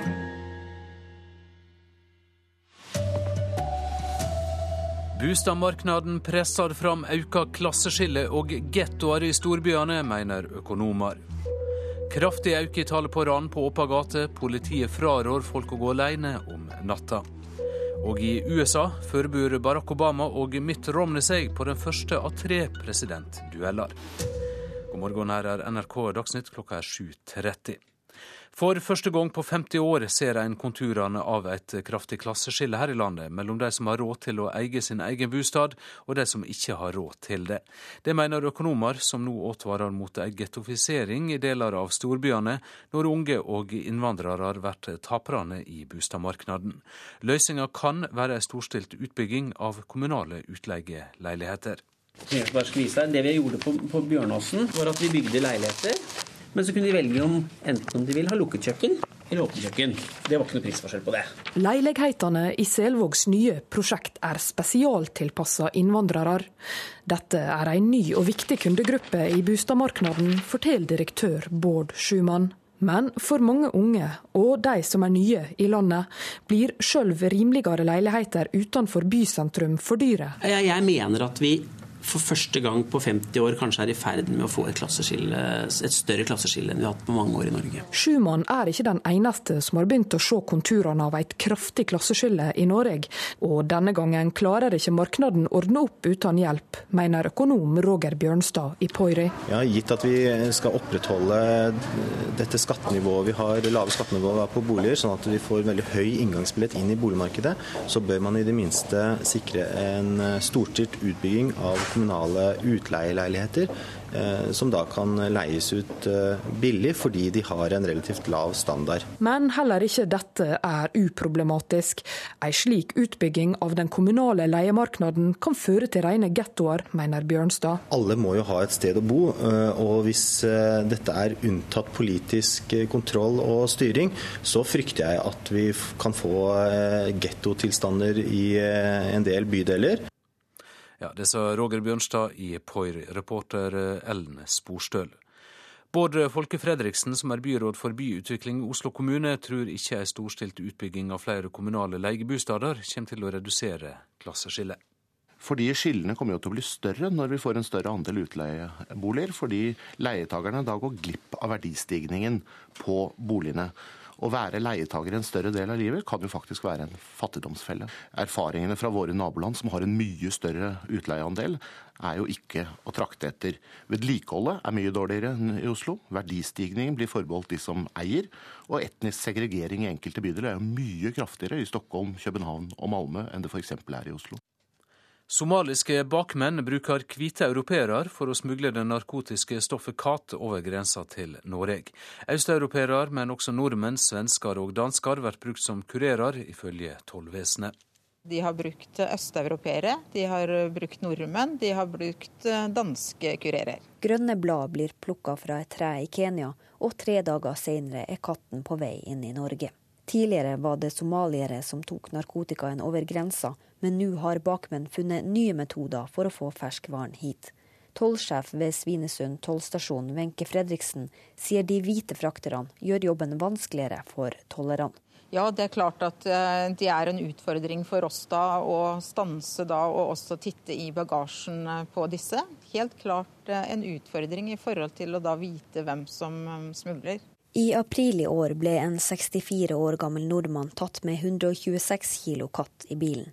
Samme måned prøvde en ung dansk kvinne å fly inn 95 kilo fra Storbritannia. En svenske og to ungarere står også bak noen av de største smuglerforsøkene i Norge så langt i år. Vi tror vel at dette kan ha en viss sammenheng med, med den økonomiske utviklingen i Europa. At det rett og slett er lettere enn tidligere å rekruttere europeiske kurerer. Sier tolldirektør Bjørn Røse. De to siste årene har tollvesenet beslaglagt ti tonn katt i året, men tall fra første halvdel av 2012 viser en liten nedgang i antall beslaglagte kilo. Fredriksen ved Svinesund tollstasjon sier nedgangen kan skyldes de nye frakterne. Det er litt tidlig å dra noen konklusjon her, men eh, det kan jo helt klart være en av årsakene. Reporter Kristine Svendsen. En person omkom etter en brann i Ammerudhellinga i Oslo i natt. Politiet fikk melding om brannen klokka 01.45, og brannmannskapene fikk raskt kontroll over brannen. Identiteten til mannen er foreløpig ikke kjent. Tallet på ran på åpen gate har økt med 16% de siste åra. Det viser tall fra Politidirektoratet. Flest ran skjer i storbyene på kvelds- og nattestid. Og Robin Garen Aaberg var på vei hjem fra en bytur i Bergen da han ble overfalt. I en mørk bakke så merket jeg at det var to menn som uh, fulgte etter meg. Jeg skjønte det på skrittene. I løpet av sekunder ble 22-åringen lagt i bakken og fikk et kne inn i ryggen. Nå ble han rana av to fremmede menn på Nygårdshøyden i Bergen. De tok mobilen og nøkler og 770 kroner i kontanter. Så la de på sprang, og studenten Robin Garen Aaberg var blitt del av en dyster statistikk. Antall ran på åpen gate har økt med 16 de siste fire åra. Til over 1100 ran årlig, syner tall fra Politidirektoratet. Flest ran blir utført i de største byene, og gjerningspersonene har fellestrekk. Det forteller seniorrådgiver Reid Stene ved Statistisk sentralbyrå. Tre av fire gjerningspersoner er under 25 år. Det begås oftest alene, men tross alt en del ran som begås sammen med andre også. Bedre lys i mørklagde gater og hyppigere patruljering kan bli aktuelt dersom det er flere ran i samme område. Men viktigst av alt er det at folk ikke går alene nattestid, ser avsnittsleder Knut Eilertsen i Hordaland politidistrikt. Så er det nok eh, litt større sperre for de å gå på hvis det er flere i, i følge. Robin Garen Aaberg sier han ikke har blitt reddere for å gå ute nattestid. Men én sans er mer skjerpa enn før. Jeg ser vel ikke etter noe, jeg hører mer. Hva du hører etter, da? Skritt. Ja, reporter her var Trude Bakke. I kveld, amerikansk tid, skal president Barack Obama og republikanerne sin presidentkandidat Mitt Romney møtes til debatt i Denver. Det er første gang de to møtes til en duell, ansikt til ansikt, og kandidatene stiller godt forbud, forteller USA-korrespondent Anders Tvegård. Begge kandidatene er på plass. Mitt Romney han sitter uh, i kveld på hotellet sitt uh, her i, Denver og øver. Det samme gjør president Obama. Han har vært her flere dager og også forberedt seg til duellen med sine medarbeidere. Debatten skjer i en vippestat. Uh, Colorado er nå overlesset med politiske arrangementer. og Debatten den skal gå på universitetet i, Denver. Der blir det nærmest høytidsstemning når, publikum kommer og kandidatene får det til å brake løs Eh, direkte altså i en presidentdebatt om rett under et døgn. Nå er eh, valgkampen mer eller mindre i sluttfasen og innspurten. Hvor utslagsgivende kan en slik eh, debatt være for det endelige valgresultatet? Ja, Det er ofte under debattene flertallet blir kjent med kandidatene. Det er en stor fordel for Mitt Romney. Det er velgere som ennå ikke har bestemt seg, og med meningsmålinger som tyder på et jevnt løp, så kan debattene være utslagsgivende. Her i USA så snakker man om oktoberoverraskelsen, og det henger sammen med debattene. Feilsnakking eller blemmer kan koste dyrt, og det er nå et enormt press på de to kampanjene. Nye dokument som ikke har vært lagt fram i rettssaka mot kunstneren Odd Nedrøm, fører til tvil om hvorvidt dommen mot han er rett. Det skriver Dagbladet. De har fått tak i dokumentasjon som viser at retten kan ha telt inntektene hans flere ganger, og at han trolig har skatta av alle inntektene sine, med unntak av tre mindre sjekker. Flere eksperter mener dette kan bety at Nedrøm ikke skulle vært dømt til fengsel. For første gang spilte Manchester United sin angrepsduo Wayne Rooney og Robin van Persie sammen fra start. Og det fikk rumenske Cluj til å merke mesterligakampen i går kveld. Etter at de tok ledelsen, snudde stjerneduoen kampen i engelskmennene sin favør. I think it's the first time we uh, both started together. Uh. Robin van Persie hyller lagspillet etter 2-1-seieren borte mot Klutsch, men det er ingen tvil om at han og spisskollega Wayne Rooney stjeler overskriftene i dag. I fjor sto rødtrøyene kun med to poeng på de to første mesterligakampene, og røyk senere ut allerede i gruppespillet. Etter gårsdagens snuoperasjon mot rumenske Klutsch leder Manchester United gruppa. Og i går var det van Persie som fikk to assist av Wayne Rooney. Nederlenderen håper rollene blir snudd etter hvert. I have seven goals now, but for me, as I said many times, it's not only about goals. Of course, it's about winning, but I want to make more assists. So uh, until now, I gave only one.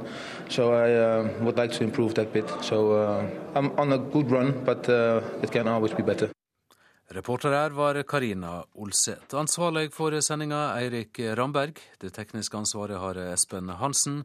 Og i studio programleder Odd Christian Dale.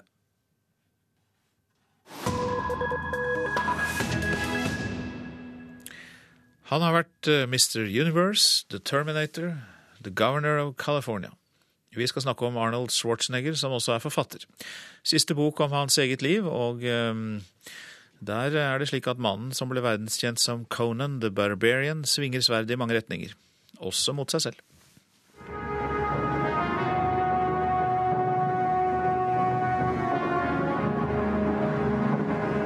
Det begynner å bli lenge siden denne musikken lå i bakgrunnen mens en drapsmaskin med røde, selvlysende øyne viste seg frem på filmlerretet. Mye har skjedd med Arnold Schwarzenegger, inkludert en verdenskjent utroskapshistorie som kostet ham ekteskapet. Alt skal være med i hans nye bok. She knows that it's about my whole life and that I would not write a book uh, and kind of leave out that part and make people feel like, well, wait a minute, are we just getting a book about his success stories and not talk about his failures? And that's not the book I wanted to write. I wanted to write about the book about me. Det er programmet 60 Minutes som har intervjuet den tidligere guvernøren i California. Republikaneren som de politiske kommentatorene mente utviklet seg til en demokrat etter hvert som tiden gikk. I intervjuet forteller han om handlinger som virker meget ikke-republikanske. Uh, Susan Kennedy. Mm -hmm. you even called her, I think, a, this is a quote, a cigar smoking lesbian, you once said. And she got married. Did you go to the wedding? I performed the wedding in the office. Eks-guvernøren sier ikke at han er for ekteskap mellom homofile, men at han er for at folk skal få lov til å gifte seg. Schwarzenegger har sjokkert tidligere, f.eks. da han ansatte en demokrat som sin stabssjef, eller da han kalte noen av sine politiske motstandere for girly men. Men ethvert intervju om Schwarzeneggers liv må også handle om en av filmhistoriens mest kjente setninger, og hvorfor han ikke ønsket å si den. And uh, I, I fought him tooth and nail, and he won the argument. And luckily, he won the argument because it it, and I didn't even notice this is an important line or that it would be uh, something that people will remember or will repeat. Only when the movie came out, and I was in New York and I walked down, I remember Fifth Avenue, and this kid came up to me and says, Can you say the line?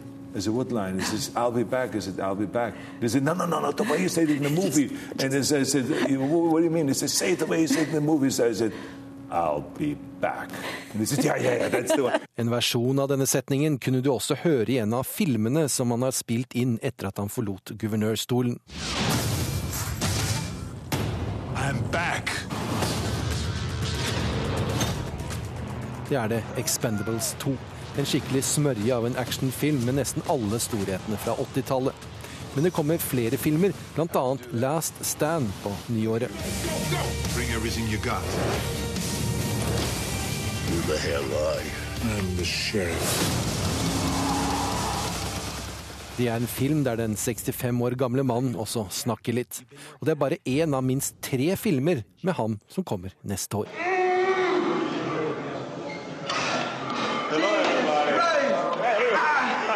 Vi hører Arnold Schwarzenegger i dokumentaren 'Pumping Iron' fra 1975. Da var muskelbunten på høyden av sin bodybuilding-karriere, og det var før hans vellykkede forretningskarriere egentlig hadde startet. Hva han nå skal gjøre, bortsett fra filmene, sier han ikke noe om. Men det blir nok noe, men ikke Det hvite hus. Loven som stopper ham, vil være på plass i meget lang tid. Og det var Halvard Sandberg som var reporter. Dette er Nyhetsmorgen med disse hovedsakene. Boligmarkedet presser fram økte klasseskiller og gettoer i storbyene, mener økonomer. Kraftig økning i tallet på ran på åpen gate. Politiet fraråder folk å gå alene om natta. Nordmenn og østeuropeere smugler narkotika til Norge for somaliske bakmenn. Hos deg i Politisk kvarter, Per Arne Bjerke, så er det klart for den første duellen mellom vår nye helseminister og Høyres leder. Er Helse-Norge i krise, eller er det bare svartmaling? Jonas Gahr Støre møter Erna Solberg.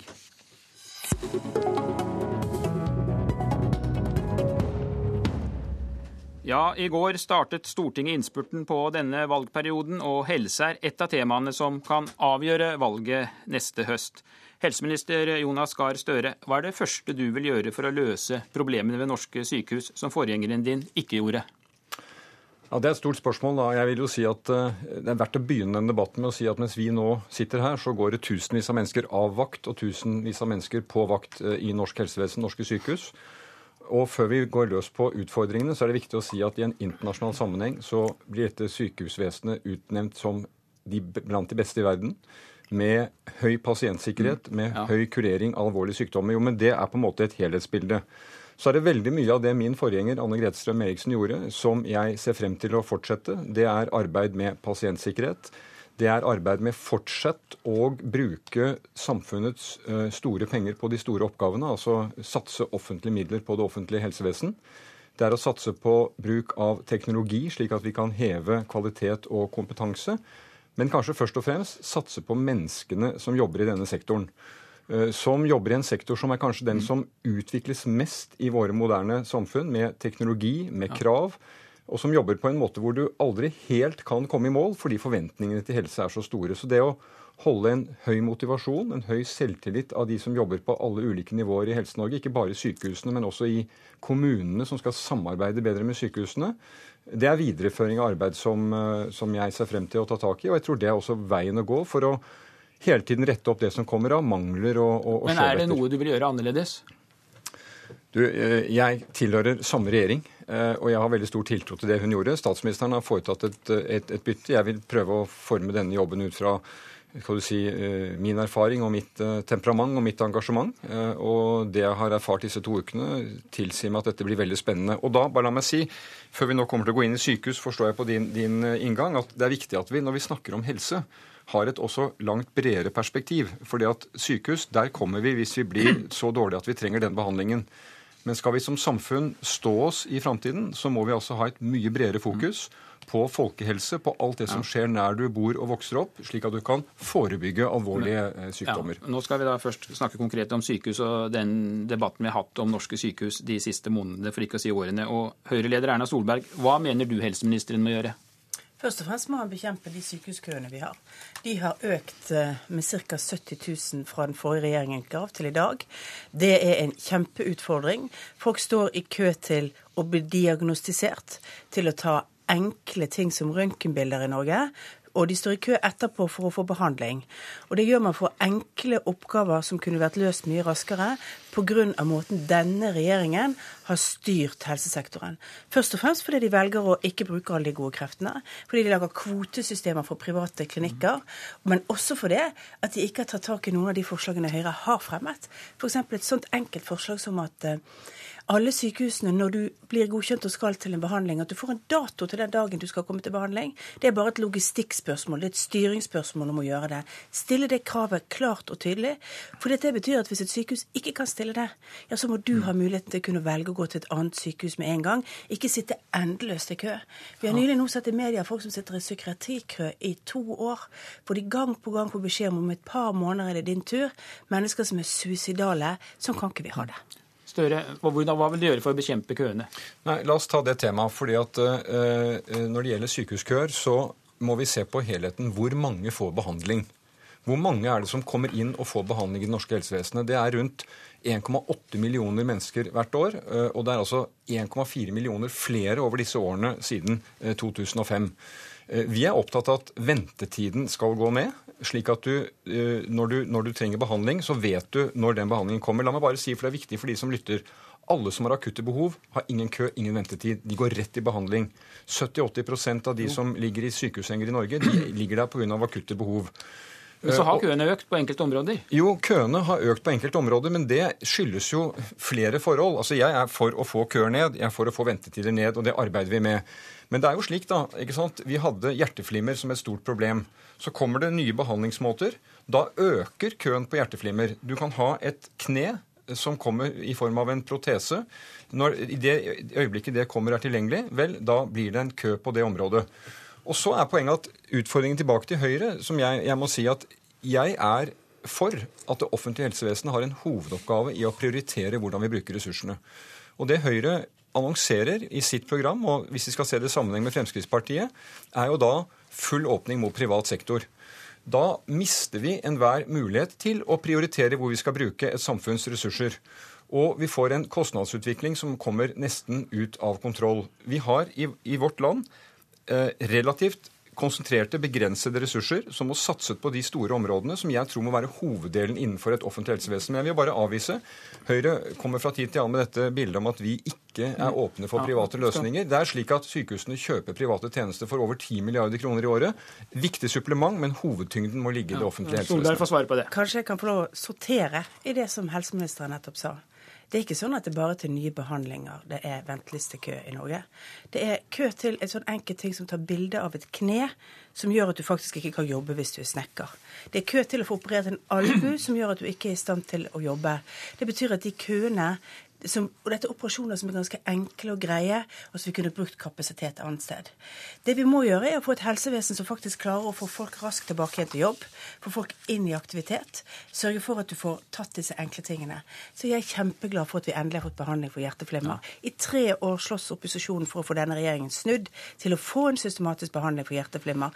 For det var en av de tingene som gjorde at mennesker ikke kom seg tilbake igjen til jobb, fordi de var for dårlige til å kunne stå i jobben. Men vi må altså ikke late som om det er 200 80 000 mennesker som står i kø til hjerteflimmer i Norge. Man står i kø til ganske vanlige ting, til å få starten på behandlingen sin. Og når man da sier at ventetiden er gått ned Nå har vi nettopp fått avslørt at det er juks med ventetidene, f.eks. innenfor psykiatri. At man tas inn til en ja. konsultasjon, og så tar det ukevis og månedsvis før man kommer til neste behandling. Det er en kultur som dreier seg om at, at helseministre skal få lov å skryte av noe, men det er ikke en kultur som dreier seg om at du får god behandling for pasienter i Norge. Dette syns jeg er litt uh, å, å legge veldig dårlige motiver på alle de menneskene som bidrar med åpenhet og forteller om de erfaringene de har. Min forgjenger Anne Gretstrøm Eriksen er og var en modig kvinne. Hun innførte en brutal åpenhetskultur i Helse-Norge, hvor feil og mangler skulle mm. opp og fram. For det kommer alltid feil og mangler i et slik komplisert system for at vi skal kunne lære av dem. Det er ikke for at en helseminister skal kunne sitte og, og, og skryte av det. Og som følge av det så er jo da er det nå viser, vises, viser tallene at Norge er det landet som har størst åpenhet rundt disse forholdene, størst behandling av fakta, hva som skjer av skader, hva som skjer av uventede ting på sykehus. Jeg har vært rundt og sett.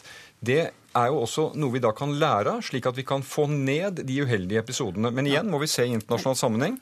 Det er kun Finland og mm. Island, som i henhold til OECD har en bedre pasientsikkerhet enn det Norge, Norge har ved norske sykehus. Og Da er jeg for å ta fatt i alle de tingene som er feil, men vi kan altså ikke tegne dette uh, nattsvarte bildet som eh, Erna Solberg her prøver. Ti sekunder, Erna Solberg, før vi går ja, til en annen tema. Vi er blitt anklaget for å svartmale før. Vi ble anklaget for å svartmale om denne typen juks for noen år siden. Så fikk vi en stor skandale som viste at vi hadde rett. Dette er en beskyttelsesmekanisme mm. fra regjeringen på å si at hver gang man sier noe som kan forbedres i helsevesenet, så, vi, så, så svartmaler vi. Jeg er glad for mer åpenhet, men det regjeringen ikke gir oss åpenhet på, det er det som gjør at vi som pasienter kan få større rettighet. Det betyr at du kan få åpenhet om det enkelte sykehuset. sånn at når du velger hvilket sykehus du skal behandles på etter fritt sykehusvalg, så vet du også noe om kvaliteten på det sykehuset. Og det vil jeg utfordre altså helseministeren til å gå neste skritt i åpenhet.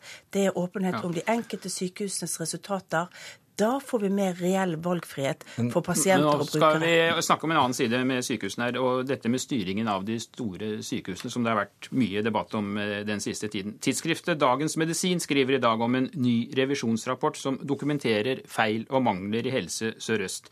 I flere tilfeller har dette ført til at pasientene er blitt sykere og i verste fall har forkortet livet. Støre, hva er det som er galt med styringen av sykehusene? Nei, la meg først begynne å si Vi har fire regioner i Norge. Mm. I tre av de regionene så er altså økonomi i balanse. Sykehusene går nå i pluss, de kan investere og satse nytt. Det er en stor utfordring i hovedstadsområdet. Det er problemet med Helse Øst, du avviser nei, ikke det? Nei, jeg gjør ikke det. Men altså, la meg begynne med det at jeg tror det er veldig få som i dag vil tilbake enn der vi var for i 2006, da vi hadde altså eh, revirkamp og dårlig ressursutnyttelse i denne hovedstadsregionen, som var splittet på kryss og tvers. Det gikk jo Berlinmurer gjennom denne byen. Nå får vi en klokere oppgavefordeling, bruk av ressursene. At det har vært krevende for de ansatte og ledelse, det er det ingen tvil om. At det har kostet for dem, det er det heller ingen tvil om. Men de er på rett vei. Det som kommer fram i Dagens Medisin i dag, er jo alvorlige forhold. Og jeg ser at eh, ledelsen også tar det veldig alvorlig. Men det er jo også et uttrykk for en åpenhetskultur. Fakta kommer fram. Jeg tror at det Høyre foreslår, og Fremskrittspartiet, det er altså å ville avvikle disse regionene og samle alt i et nasjonalt direktorat i Oslo. Det står i Høyres program at det skal være en nasjonal styring. La meg bare si jeg tror at de som bor på Vestlandet, er best i stand til å vurdere Vestlandet. De i Midt-Norge, Midt-Norge og de i Nord-Norge, Nord-Norge. 95% av pasientene blir behandlet innenfor en region. Og jeg tror at det er et veldig dårlig signal til Sykehus-Norge å få vite nå at om et, et, års tid, hvis disse partiene vinner valget, så skal det inn en ny, stor uh, endring i måten sykehusene organiseres på, som jeg tror kommer til å føre til mer byråkrati, og som er en slags vi i Oslo vet best-holdning. Solberg, hvorfor mener du at det, en, det trengs en endring når det gjelder styringen? Fordi at vi mener at det som er feil i dag i helsesektoren, det er flere ting. Det ene er at den konsernmodellen som man styrer etter i Ahus, med velsignelse fra dagens regjering, hvor altså ledelsen i Helse Sør-Øst også sitter i styrene i alle de underliggende etatene, en ting vi advarte sterkt mot, og som vi var imot når vi satt i regjering, det bidrar til at disse styrene ikke fungerer. Det bidrar til en ansvarspulverisering. Og nå har nettopp Jonas Gahr Støre stått og snakket eh, på en større konferanse om pasientsikkerhet om at de ansvarlige skal stilles til ansvar for det som går feil. Da er mitt klare spørsmål hvem er det egentlig som har ansvar for situasjonen i Helse Sør-Øst? Hvis vi skal på noe tidspunkt ha tiltro til at man vil stille de ansvarlige til ansvar, så må vi vite hvem som har ansvar. Og i dag er det en ansvarspulverisering rundt hvem som faktisk har ansvar for de beslutningene som fattes. Er problemet større at vi rett og slett er blitt litt overbyråkratisert? For jeg snakket med Statistisk sentralbyrå i går ettermiddag, og de forteller at det nå er 18 500 helsebyråkrater eller administrativt ansatte ved helseforetakene. Og trenger vi så mange byråkrater for å styre sykehusvesenet? Det er et veldig godt spørsmål. Eh, jeg, altså det jobber en 110 000-20 000 i, i, i Sykehus-Norge. At det trengs noen for å administrere dem, det skulle bare mangle. 18 500 pluss 6000 i servicepersonell. Jo, men det er jo da rundt på alle sykehusene. I disse regionene er det rundt 300 som jobber. Det OECD-tall viser, er at vi bruker 0,8% av sykehuspengene våre på administrasjon. Gjennomsnittet i OECD er 3% Men jeg er alltid tilhenger av at vi skal bruke så lite penger som mulig på byråkrati og administrasjon. Men du vet at vi er kommet i et ganske avansert samfunn hvor vi krever svar på pasientrettigheter, at de blir fulgt og respektert og etterprøvet, og at vi kan klage. Det fører til byråkrati. Jeg tror det er et stort tema i samfunnet vårt. Legene sier at de må bruke mer tid på administrasjon enn å behandle pasienter. Det er ikke for noen vil dem vondt, men det er pga. at vi har rettssikkerhet, kontroll. Pasienten er, et, er, kommet i sentrum. Men til det, til det eh, Erna Solberg sier dette med styringen, eh, hvordan man sitter i styrer i helseforetakene, det er noe jeg studerer. Vi har hatt dette evaluert. Det er kommet en interessant rapport som vurderer de forholdene. Og det kommer jeg til, komme tilbake til med å ha noen konklusjoner på. Men hovedprinsippet, nemlig om at man ser en region under ett og forsøker å få til godt samarbeid mellom sykehusene, tettere på sykehusene og kommunene. Det er Samhandlingsreformen, slik at det blir en lettere å skrive ut pasient for de kommer ut i kommunene. Det tror jeg blir veldig mye dårligere når eh, disse opposisjonspartiene foreslår at vi skal bort med regionene og inn med noe som er nasjonalt samlet her i hovedstaden. Jeg tror altså at vestlendinger Solberg, Solberg kan bedre om Vestlandet enn det vi men, kan her. Men altså, det vi foreslår er ikke et direktorat i Oslo. For det første kan vi plassere styringsfunksjoner hvor som helst. Vi foreslår faktisk at Helsedepartementet, helseministeren, skal ta større ansvar enn det de gjør i dag. Det vi opplever nå, er en ansvarspulverisering. Hele hele strukturen og diskusjonen rundt sykehusene i Oslo sørøst har vært tatt opp i Stortinget hver eneste måned under, under overflyttingen av pasienter fra Oslo universitetssykehus til Ahus, svarte den forrige helseministeren at dette er under kontroll. Det var ikke under kontroll. det har vi fått Kommer deres modell også til å føre til mindre byråkrati? Ja, fordi at vi kommer til å legge mer ansvar på de enkelte helseforetakene. Og det er de som har kontakten med kommunene. Det er helseforetakene som jobber sammen med, med kommunene om Samhandlingsreformen. Der kommer større del av ansvaret ligge. Og så kommer vi til å skille eierskapet og de som etterspør helsetjenester. For det, det vi også ser nå, er at vi får løsninger som er mer knyttet til hvem som eier, enn faktisk å gi gode pasient, eh, pasientbehandlinger. Dette er en modell som jeg tror kommer til å gi oss mye mindre byråkrati, større nærhet og bedre helsetjenester. Støre. Nei, altså Jeg er uenig i det. Jeg, jeg mener at Stortinget skal diskutere de store retningslinjene i en nasjonal helseplan. Helseministeren har et overordnet ansvar, men så må de som har medisinskfaglig ansvar, få trygghet til å ta det. Dette er kompliserte spørsmål. Jeg syns Da jeg besøkte Helse Midt-Norge her for en uke siden, så ser vi rasjonale bak at du ser den regionen under ett. Hvordan sykehusstrukturen utvikles, hvordan sykehusene samarbeider, hvordan de investerer. Og jeg tror altså tanken på at vi skal eh, Det står i Høyres program at man skal også lage en nasjonal styring av dette. Det må jo bety at man svekker disse regionene og tar det inn mot et sentrum.